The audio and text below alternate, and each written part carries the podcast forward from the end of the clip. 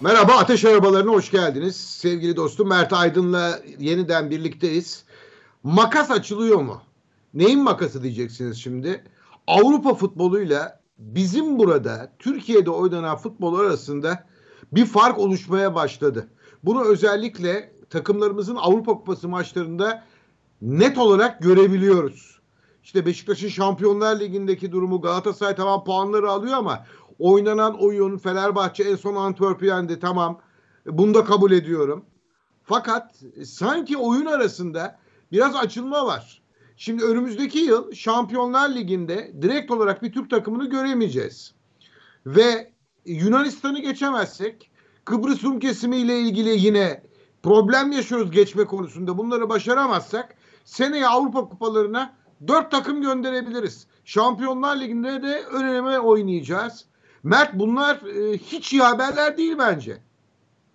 Ama yani yeni haberler de değil aslında. Yani son birkaç yıl içinde yavaş yavaş çaktırmadan ya da çaktırarak e, karşımıza gelen bir durum bu. Yani bugün e, olmadı, geçen sene de olmadı. Ondan önce yani yıllar içinde yavaş yavaş meydana geldi. Çok puan aldığımız sezonlar yavaş yavaş o 5 sezon biliyorsun Avrupa Kupalarının puanlaması 5 sezonluk dönemler halinde yapılıyor.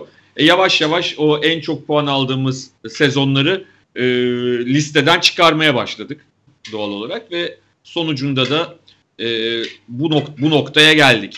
Makas açılıyor mu açılmıyor mu meselesi tabii e, çok çeşitli noktalardan incelemek lazım. Hani çok slogan bir cümle bu. E, Fatih Hoca'nın da söylediği genel olarak e, puan durumlarına baktığımızda da karşımıza çıkan. Tabii şimdi bazen geçen gün e, kulakları çınlasın Metin Tekin e, Ege ile Kırılma Anı diye bir program yaptı. Orada e, anlattığı bir şey var. Hani eski geçmişte 80'li 70'li yıllardaki takımlarla ilgili hani onlara bak tur atlayamıyorlar falan derken dedi ki ya o zaman öyle gruplu Şampiyonlar Ligi, UEFA Ligi gibi şeyler yoktu. Bir tane takımla oynuyorsun. Çok güçlüyse seni eliyor, geçiyor, gidiyor. Yani o dönemlerde evet makas aç, açılmıştı ama hani takımların da fazla bir alternatif yoktu sistem gereği. O takımlar sadece bir takımla o da çok güçlü bir takıma denk geldiği zaman eleniyorlardı. Şimdi e, grup maçları oynanıyor. E, daha çok puan alma şansları oluyor takımların. Ama görünen o ki biz e, aslında belki çok paralar harcıyoruz. Kulüplerimiz hala bütün o maddi sorunlara rağmen belki de o maddi sorun, sorunları göz ardı ederek e, ciddi anlamda paralar harcıyorlar. Ama gelinen noktada paraları çok akıllı harcamadıkları e, sahada ortaya konulan futbolla e, ortaya çıkıyor. Bir de teknik direktörlerimizin ağırlıklı olarak yani ortalama olarak söylüyorum bir kişi öyledir, farklıdır, değildir başka bir hikaye. Ama ortalama olarak Türkiye Ligi'nin de e, oynanan futbolun futbola e, futbolun taktik değeri Avrupa futbolunda çok gerilerde. Bence bu çok net olarak bize yansıyor. Ben de tam bu hususa değinmek istiyordum. E, taktik anlamda yabancı oyuncular, e, Türk oyuncular bir arada antrenman yapıyorlar, sahaya çıkıyorlar, maç oynanıyor. E, mesela en son Karagümrük Galatasaray maçı. Uyumamak için kendimi çok zor tuttuğumu söyleyebilirim. Karagümrük'ün oyun yapısı bu olabilir. Ama buna bir cevap gerekiyor. Oyun içinde bir heyecan, bir tempo lazım değil mi? O taktik arayışı ya, acaba ben bunu nasıl kırabilirim mesela? Yani işte e, bütün bunların karşılığı aslında Avrupa Kupaları puanlaması dediğimiz şey e, X kulübün Y kulübün puanlaması değil. Aslında bizim ligimizin değerini net olarak gösteren şey. Avrupa Kupalarında olduğunuz yer. Yani e, harcadığınız para ve bulunduğunuz yer birbirini tutmuyorsa sıkıntı var demektir. En azından 70'li yıllarda 80'li yıllarda şunu diyebiliyorduk. Ya zaten takımların parası belli. Evet. Kulüplerin e, harcadıkları para belli. E bunun karşılığı da budur yani yapabilecek bir şey yok. Ama şu anda gelinen noktada Türkiye e, en çok para harcayan 10 ligden biri ise ama Avrupa Kupaları sıralamasında 18. ise oturup düşünmemiz lazım. Yani şöyle olsa harcamada 18. olsak burada da 18. olsak yapacak bir şey yok. Bu kadar harcadık bu kadar. Ne kadar ekmek o kadar köfte deriz. Ama öyle bir şey yok. Çok fazla harcıyoruz. Bu harcamanın karşılığı da yok. Yani şu, e, şu da var. Kur denen bir döviz kuru denen bir şey var. Biz inanılmaz paralar harcıyoruz.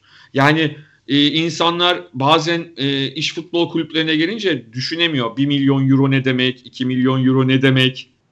Bunu hayatımıza, hayatımızdaki e, paralara vurduğumuzda aslında çok ciddi şeylerden bahsediyoruz ve yani o verdiğim para her gün e, artıyor kurdan dolayı ve onun üstüne hani bizim kulüplerimiz sanki dolar ve euro mu kazanıyorlar? Yani onu da kazanmıyorlar. Bir de üstüne geçtiğimiz dönemde pandemi dolayısıyla seyirci de yoktu. Ya bütün bunları e, bir araya getirdiğimizde bizim ülkemizin futbolunun ciddi bir e, akıl sorunu olduğunu ben düşünüyorum. Yanlış anlaşılsa akıl hani akılsızlık anlamında değil ama ya, akıl derken şöyle geliştirmek lazım. Strateji demek istiyorsun. Evet tabii değil tabii mi? onu söylemek istiyorum. Yani mesela oturup kulüpler birliğinin eğer bu kadar önemliyse yani sadece federasyon değil kulüplerin de kulüpler birliğinin de oturup e, ortalama olarak işte hem gelirlerimizi yani bizim kulüplerimizin gelirlerimizi yükseltelim dediğinde tek düşündükleri ve tek akıllarına gelen hep beraber iyi bir yayıncı bulalım çok para versin. Ya bu yeterli değil. E, artı siz futbolunuzu geliştirmediğiniz sürece o yayıncı da bu ligi bir yerlere satamadığı sürece e, verebilecekleri para sınırlıdır. Ancak birkaç televizyon, birkaç platformun bir araya gelmesi lazım. Ee, belki devletin işe el atması lazım. Başka türlü olmaz. O kadar paralar olmaz yani. Olmaz. Çok Çünkü o paraların halktan çıkarılması gerekiyor. Doğru söylüyorsun. Şimdi 1 milyar dolarlık bir gelir bekleniyor. Kulüpler Birliği'nden yapılan açıklama o. Yayınla ilgili olarak. Ama ben bunun bir hayal olduğunu düşünüyorum ve yıllık 250-300 milyon doları eğer o yayın gelirinden bulurlarsa bence büyük bir hedef olacak.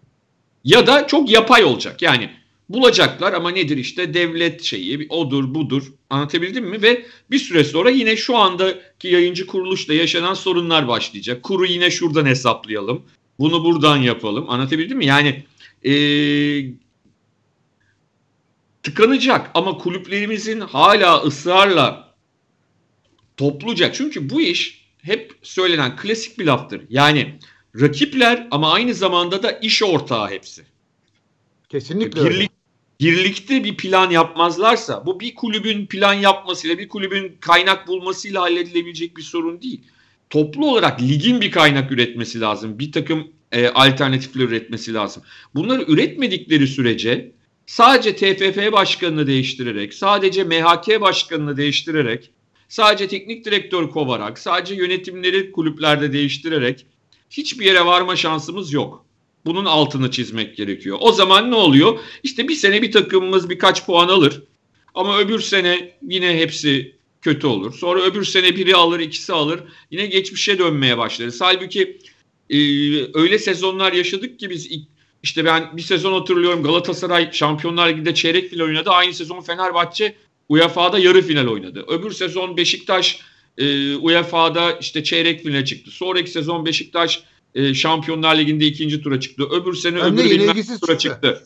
Yani öyle sezonumuz var hatırla. Gençler Birliği'nin e, şeylerin ne derler Gençler Birliği'nin e, Denizli Spor'un üst üste UEFA Kupası'nda turlar atladığı dönemleri yaşadık. Yani e, sadece bir takımın da değil ligimizde 6. 7. 5. sırada olan takımın bile Avrupa'da üst üste turlar atladığı dönemler yaşadık. Ya şu hatırlatmayı yapmam lazım. Gençler Birliği Beşiktaş'ın iki maçta 4 gol yediği Sporting Lisbon'u Lisbon'da 3-0 yendi. Yani onun için e, Avrupa kupalarında bir takımın değil genel olarak toplam aldığınız puan o kadar kritik bir şey ki sizin gerçekten de gerçek değerinizi belirliyor. Yani siz istediğiniz kadar bizim ligimiz zor lig değil. Bizim ligimiz zor lig çünkü bölümü çok önemli. Zor lig olması tamam da. Bizim ligimiz şöyle aslında doğrusu şu bizim ligimiz gerçekten zor bir lig. Çünkü oynatmamaya dayalı, tekme tokatın olduğu, devamlı maçların durduğu, yavaş oynanan bir lig. E, o yüzden de iyi futbolcu için zor bir lig, iyi bir teknik direktör için zor bir lig. Ama Keşke şu olsaydı. Bizim ligimiz zor bir lig. Çünkü takır takır futbol oynayan 7-8 takım var en az.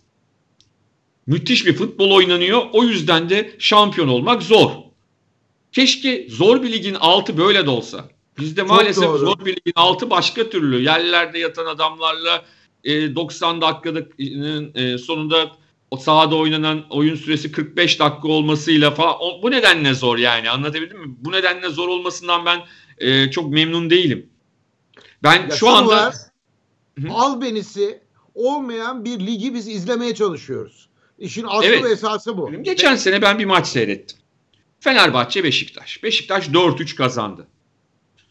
Maçtan sonra yazılanlara bakıyorum iki tarafta bak kazananı da kaybedeni de. Hakem şunu yaptı da sizi hayır.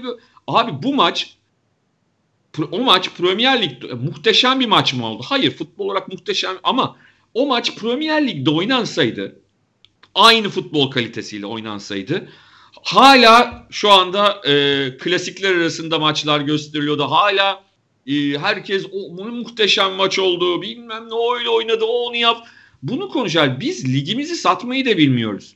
Biz oynanan arada bir oynanan birkaç tane maçı bile e, dışarıya anlatmayı bilmiyoruz. Onun yerine o kayıkçı kavgasını yapmaya devam ediyoruz. Yani sıkıntılarımızdan bir tanesi de bu. Arada bir 40 yılda bir bir tane düzgün maç oluyor. Öyle ya da böyle heyecanlı. Futbol kalitesi yüksek olsun olmasın. Premier Lig'de her maç muhteşem mi oynanıyor zannediyorsun? Yok. Premier Lig'de de çok sıradan maçlar oynanıyor ama adamlar onu öyle güzel paketliyorlar ki öyle güzel paketliyorlar ki siz arada hani iki tane üç dört tane harika maçın yanına o kötüleri de iyiymiş gibi izliyorsunuz. Biz onu da beceremiyoruz. Yani sonuçta bizim kulüplerimizin yönetimlerinde bir sürü e, PR uzmanı var ya yani çok önemli şirketlerin CEO'ları var, çok önemli şirketlerde PR uzmanlığı yapmış insan. Ya oturup kendi ligimize bunu becerip e, koyamıyorlar ve bundan dolayı da bundan dolayı da e, hiçbir yere satamadınız. Sadece işte Türkler nerede varsa oraya sattınız. Orada yayınlanabilen maçlar oluyor. Yani sadece Türklere pazarlayabiliyorsunuz yurt dışındaki.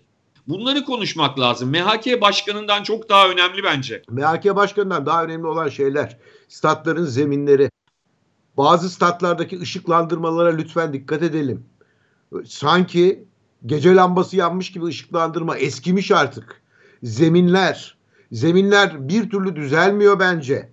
Tekrar bu konuya ve e, tribünden şimdi dolmasından sonra o heyecana insanlar geliyorlar, bilet paraları ödüyorlar ve çok güzel maçlar izlemek istiyorlar. Ama oynatmamak üzerine kurulu futbol ve Türk milli futbol takımının da o eski yıllardaki gibi facia yıllar var ya iki maçta 8 gol diye İngiltere'den sonra bir tane de 5 tane Hollanda karşısındaki o farklı mağlubiyeti o eski yılları benim gözümün önüne getirdi maalesef.